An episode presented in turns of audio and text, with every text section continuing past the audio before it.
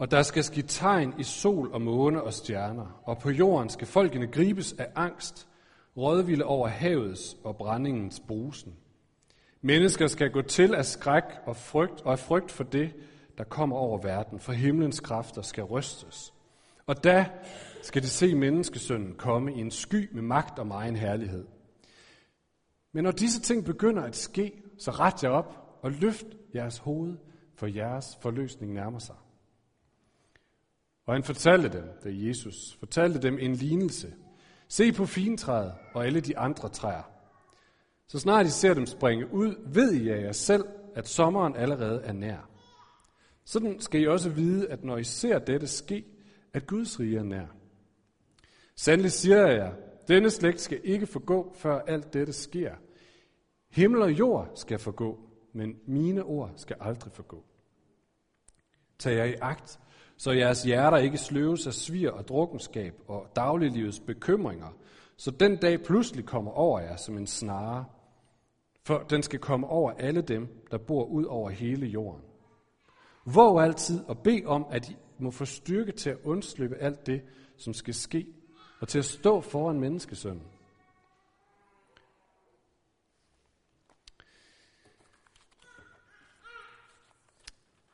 Som nogle af jer ved, det er ikke alle sammen, men nogle af jer ved, at her i efteråret har vi været øh, igennem en prædiken-serie, hvor vi sammen har læst dele af apostlenes gerninger, som er den her beretning om den første kirke efter Jesus død og opstandelse. Hvordan, hvordan var det så, den her lille gruppe mennesker pludselig blev til en bevægelse, som var med til at forandre hele verden med dybe spor af håb og af godhed osv.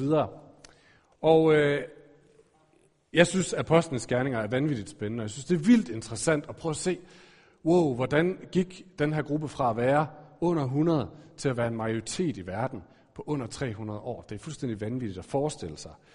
Øh, der er altid en risiko, fordi når man studerer øh, den tidlige kirke, eller andre kirker for så vidt, en risiko for sådan at begynde at sammenligne sig, og så sige, om de gjorde sådan, så kan vi gøre sådan, eller sætte for høje forventninger til menneskers mulighed for at gøre noget, menneskers kræfter, i stedet for at have forventninger til Gud, hvad Gud kan gøre, og Guds kræfter. Og øh, jeg har hele vejen igennem den her serie været optaget af at understrege, det her i Apostlenes Gerninger, det er helt almindelige mennesker, som lever helt almindelige liv, og som har helt almindelige hverdagsudfordringer. For på en eller anden måde at sige, de var ikke noget særligt. De havde ikke noget, vi ikke havde. Det var ikke fordi, at det var en særlig hellig tid. Det var helt almindelige mennesker, ligesom du og jeg. Øhm, og faren ved det, eller risikoen ved det, det er at få lavet så kraftig en betoning på, når hvis vi tog os sammen, så kunne vi gøre det samme.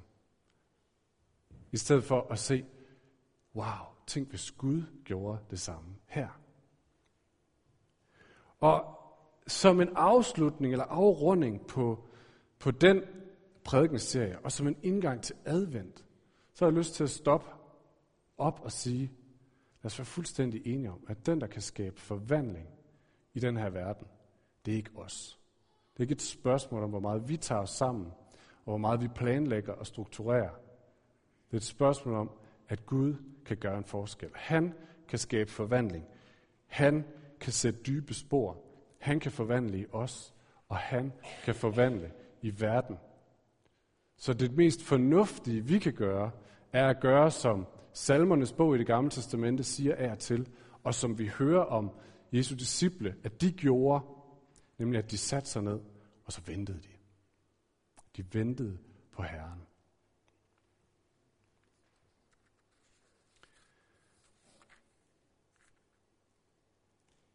Og jeg har glædet mig til at komme ind i adventstiden. Jeg sagde det til min øh, hustru for nogle uger siden. Åh, nu er jeg glad for, at vi snart er færdige med at kigge på apostlenes gerninger og de mennesker, fordi jeg glæder mig til at komme hen til adventstiden og til det, som den vil os, det som Gud vil os i den. En ventetid, som jeg har sagt, en forberedelsestid frem mod jul. Jeg ved ikke, hvordan den tid den fungerer hjemme hos jer. Hjemme hos os, så er det sådan, at, det var det i hvert fald nu, så 30. november, kravler jeg op på loftet for at finde den store kasse med julepynt og få den ned. Og øh, så i år så gik det lidt øh, over gelede, eller hvad hedder det, ud af øh, en tangent, fordi jeg endte med ikke bare at komme ned med kassen med julepynt, men også de 10 kasser med tøj, vi har, som ungerne ikke kan passe for tiden. Fordi dem kunne vi jo lige få sorteret, nu vi var på loftet. Så i stedet for julepynt, så var huset fyldt af børnetøj. Det fik min hustru heldigvis sorteret og lagt på plads og op igen. Og så kunne hun komme i gang med at pynte, sådan at 1. december om morgenen, da ungerne stod op, så kunne de gå rundt. Så kunne de, ej, prøv at se, der er en lille hyrde, og der er et lille krøllet får, og der er en lille stjerne. Og på den måde sådan begynde at fornemme, smage, dufte. Mm, vi er på vej ind i en ny tid. Og, og jeg, er, jeg er meget gammeldags, klassisk opdraget, om man vil. Øh, så jeg, jeg prøver sådan at, at skabe en, en tidslomme derhjemme, og gå imod øh, kulturen, og sådan at sige, lad os, lad, os, lad os gøre det lige så langsomt, det her.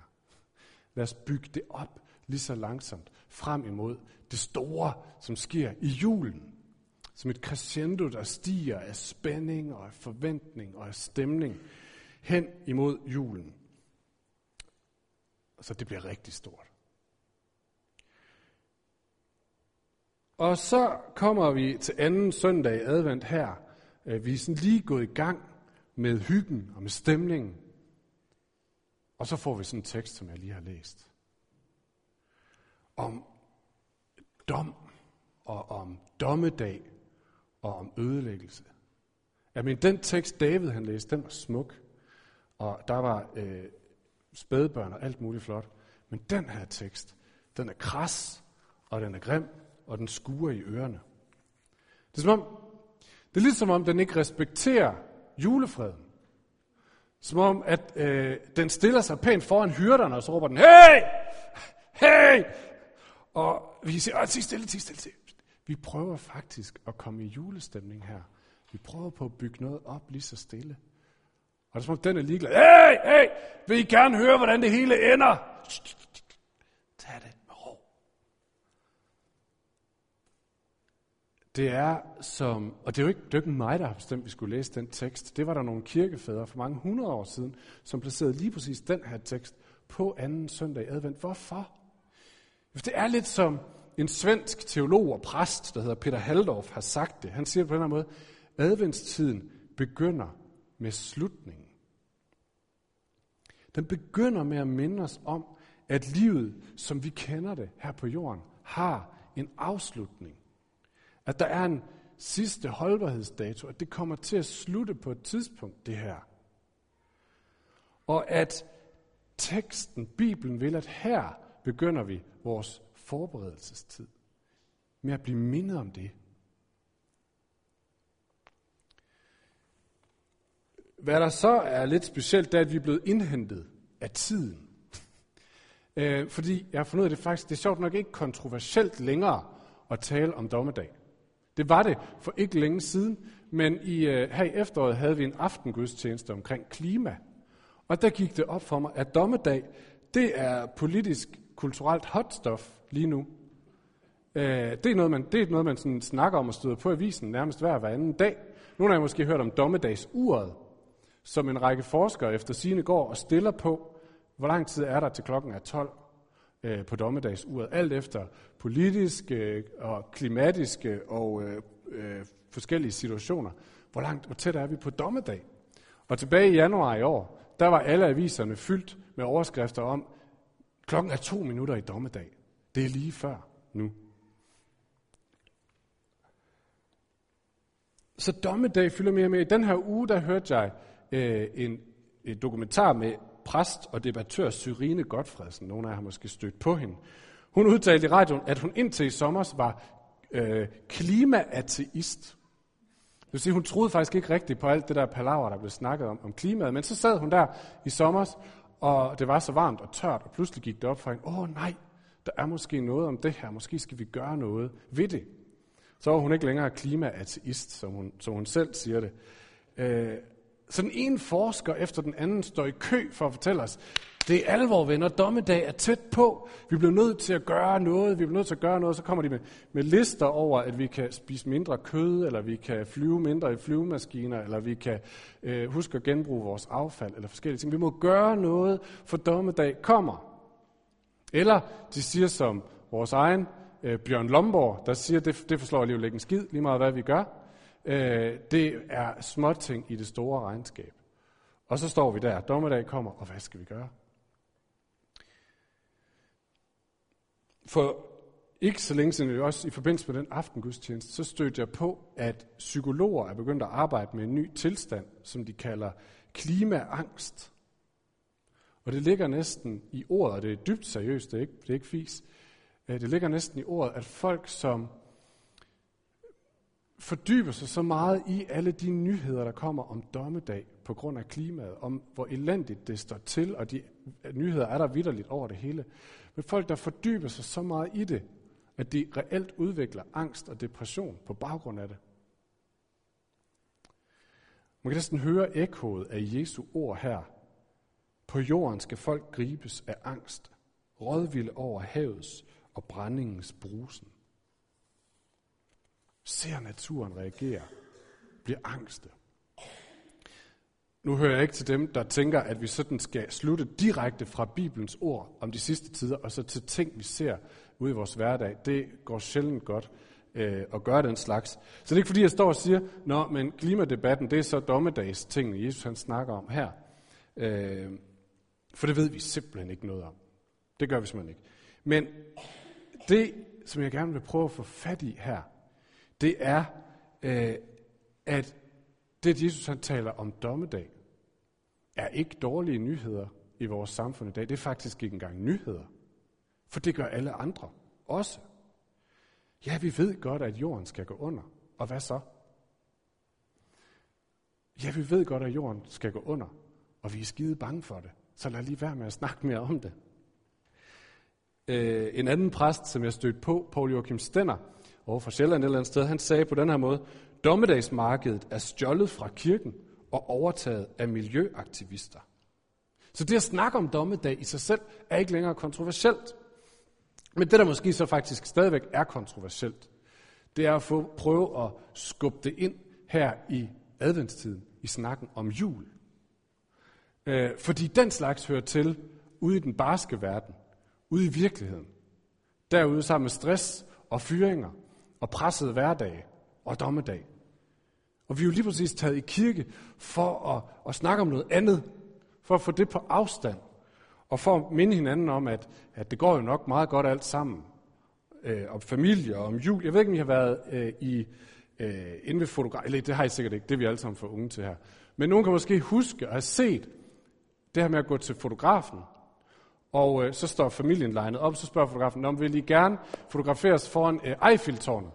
Eller foran øh, en strand på Bahamas? Og så siger vi, ah, det, øh, Bahamas lyder godt, og så trækker jeg lige sådan, får man lige Bahamas som baggrund. Nogle gange er julen blevet lidt sådan en Bahamas, man lige trækker ned. Så nu er det jul, så vi prøver lige at glemme stress og jag og, øh, og familiekonflikter og alt muligt andet, så trækker vi lige øh, julen ned over det hele i en måneds tid, og lader som om, det hele går jo meget godt, og vi er jo glade alle sammen, ikke også? Og øh, køber en masse gaver, som vi kan give til hinanden, for at, øh, for at glemme virkeligheden et øjeblik. Øh, en eller anden form for eskapisme, eller flugt, kan man sige. Og i det hører en tekst om dom og om verdens ødelæggelse bare ikke hjemme. Med mindre, med mindre, at julen overhovedet ikke er en kortvarig flugt fra den her verden, men i stedet for en fortælling om, at Gud han flytter ind midt i den her verden. Midt i kaos, midt i frygt, midt i angst, midt i depression, midt i bekymringer. Livets hårdhed og kaos er fuldstændig sandt, og jorden er ved at gå under. Det er alle øjensynligt enige om. Men Gud elsker verden så højt, at han lod sin eneste søn blive menneske, føde ind i den her verden, for at skabe håb og for at fortælle, at der er håb. Han er den, der kan dele med dommedag. Det er det, teksten gerne vil fortælle os.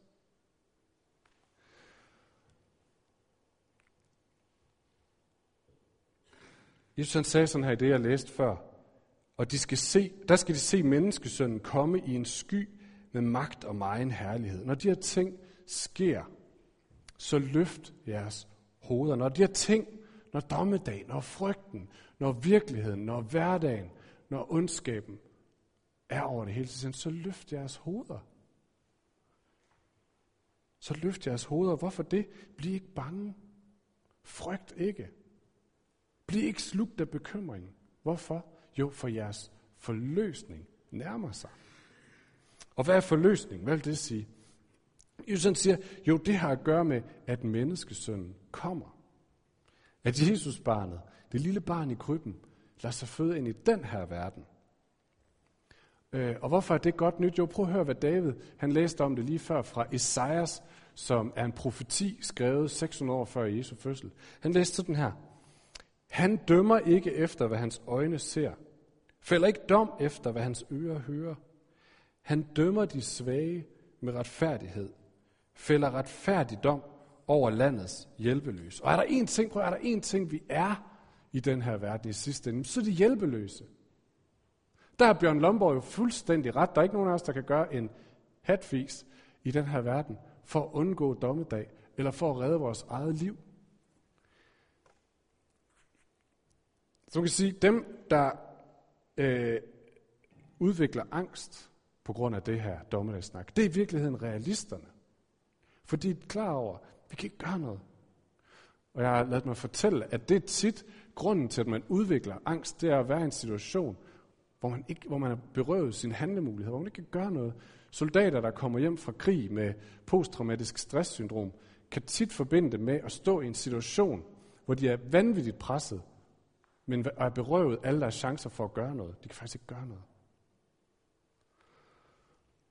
Det er hjælpeløshed.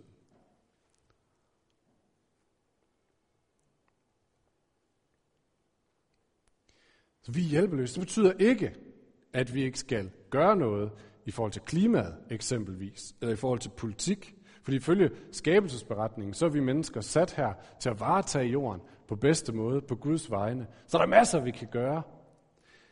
Men at tro, at vi ved sådan i fælles og tager os sammen, kan ændre på tingenes tilstand, det er simpelthen naivt. Vi er hjælpeløse, som Jesus han siger her. Over for dommedag, over for vores egen skæbne. Så man kan sige, dommedag er krasbørstigt, men vi er ikke de eneste, der snakker om. Det snakker verden også om. Men verdens håb er krasbørstigt. Fordi verdens håb er, hvis vi nu bare bliver enige om i fællesskab at tage os sammen og lave bedre mål og, og øh, behandle hinanden ordentligt, så går det nok i sidste ende. Det er hårdt. Det er hårdt at leve efter. Og her er Bibelens og Jesu håb helt anderledes nådigt og gode nyheder. Fordi, som David læste, i siger sådan eller der sidste ham om, om Jesus, jeg dømmer ikke efter, hvad jeg ser og hører. Det vil sige, det handler ikke om, han kigger ikke på, om hvor meget formåede de at tage sig sammen, hvor gode planer fik de lagt, hvor meget handlede de sig ud af det. Nej, jeg fælder retfærdig dom over landets hjælpeløse.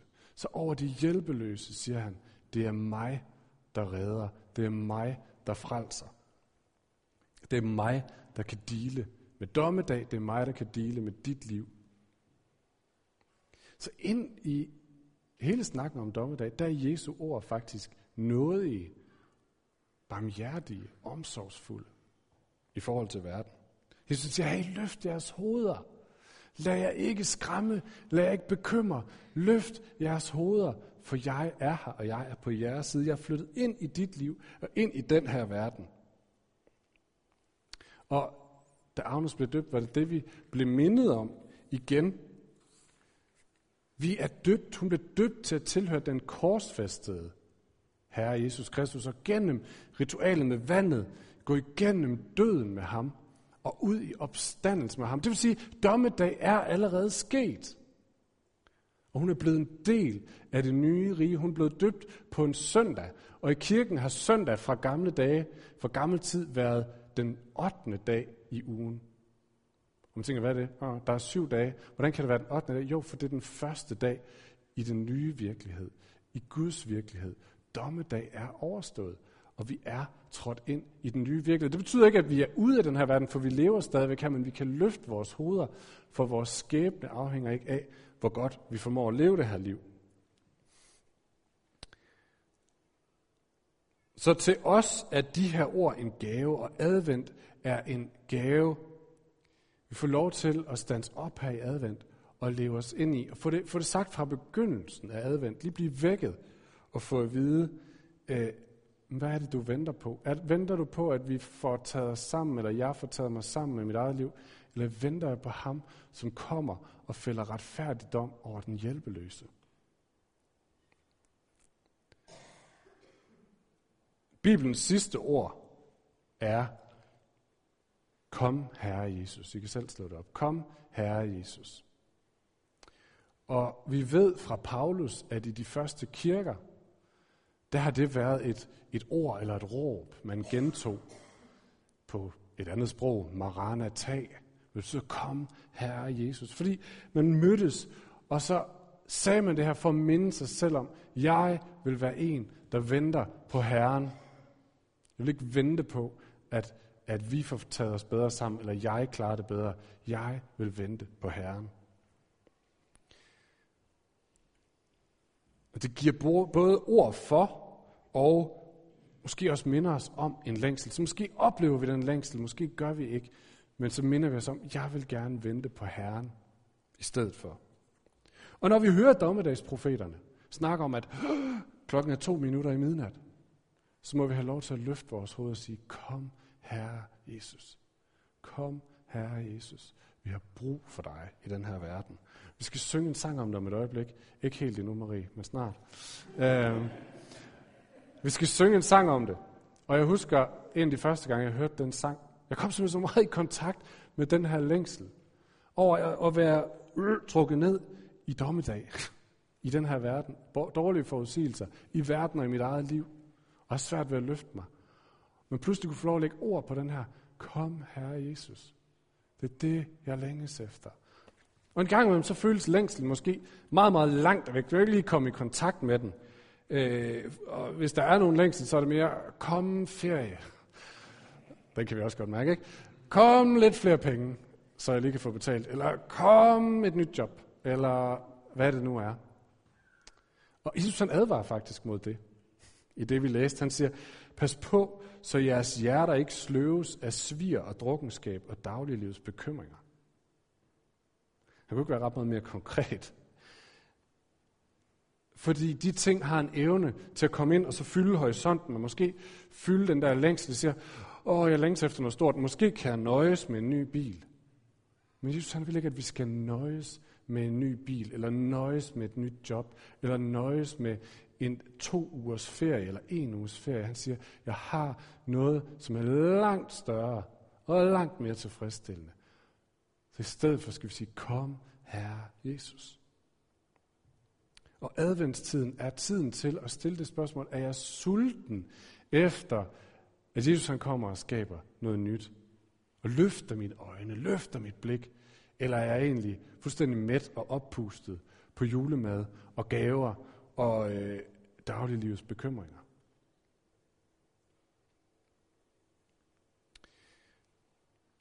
Og den anden dag, og det er det, jeg slutter af med det her, der stødte jeg på et citat af Kirkegård. Og jeg skal huske at kildereferere, jeg fandt det på Facebook. Nogle af jer måske også stødt på det. Øh, han siger sådan her, Fader i himlene, længslen er din gave. Ingen kan give sig, selv, kan give sig den selv. Ingen kan, når den ikke gives, købe den. Jeg læste igen. Fader i himlene, længslen er din gave. Ingen kan give sig give sig den selv. Ingen kan, Når den ikke gives, købe den. Man kan altså ikke tage sig sammen til at længes.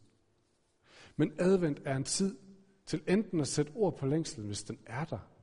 Og hvis ikke den er der, så begynd at spørge Gud efter den gave. Gud, hjælp mig til at længes efter dig, og ikke stilles tilfreds af småting. Giv mig den længsel efter din forløsning, efter dit håb, efter dine løsninger, efter din fremtid, så jeg kan løfte hovedet frimodigt.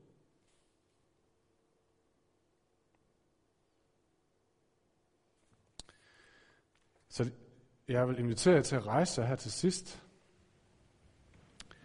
Og så vil jeg bede, og jeg vil bede det her citat af Kirkegård, og så vil jeg bede ind i det. Og nogle af jer kan måske genkende længslen, og nogle af jer kan måske ikke. Men du kan være med i bønden og sige i dit indre, hvis du vil, kom Herre Jesus. Læg ord til den længsel. Og hvis nogen af jer tænker, jeg har lyst til eller brug for, at andre også beder for mig, så gå derned bagved i hjørnet, der stikker dit Dannebrogsflag op. Der vil Mette og Christina stå og bede for jer, hvis I ønsker det. Ingenting dramatisk, men det kan være en god øh, ting at få nogle andre til at sætte ord på bønden. Men lad os, lad os bede sammen. Far i himlen, længslen er din gave. Ingen kan give sig den selv. Ingen kan, når den ikke gives, købe den. Og Gud, nogen af os kan genkende længslen, længslen efter, at du kommer og gør noget nyt i vores liv den her jul. Måske er det i vores familierelationer. Vi ser frem til nogle dage med familien, og det er håbløst at tænke på. Og vi siger bare, kom, Herre Jesus. Og nogen af os er det jobbet, og vores feriedage, det bliver måske et lille break. Vi har brug for, at du kommer og gør noget andet. Vi vil vente på dig. Kom, Herre Jesus. For nogle af os er det måske bare noget inde i os, som knuger og gør ondt og gnaver, og vi længes efter forløsning. Herre Jesus, vi beder om, at du vil komme og forvandle med dit håb. At du vil vise os, at du er flyttet ind midt i det. At du ikke står ude og venter på, at vi har fået løst det selv. Du flytter ind midt i det. Kom, Herre Jesus. Og nogle af os kan måske slet ikke genkende længslen. Her vil du vise for os, at du er værd at længes efter. At det du giver langt overgår, hvad vi selv eller verden kan tilbyde. Hjælp os til at sætte ord på den gamle bøn og sige, kom, Herre Jesus. Kom, Herre Jesus. thank you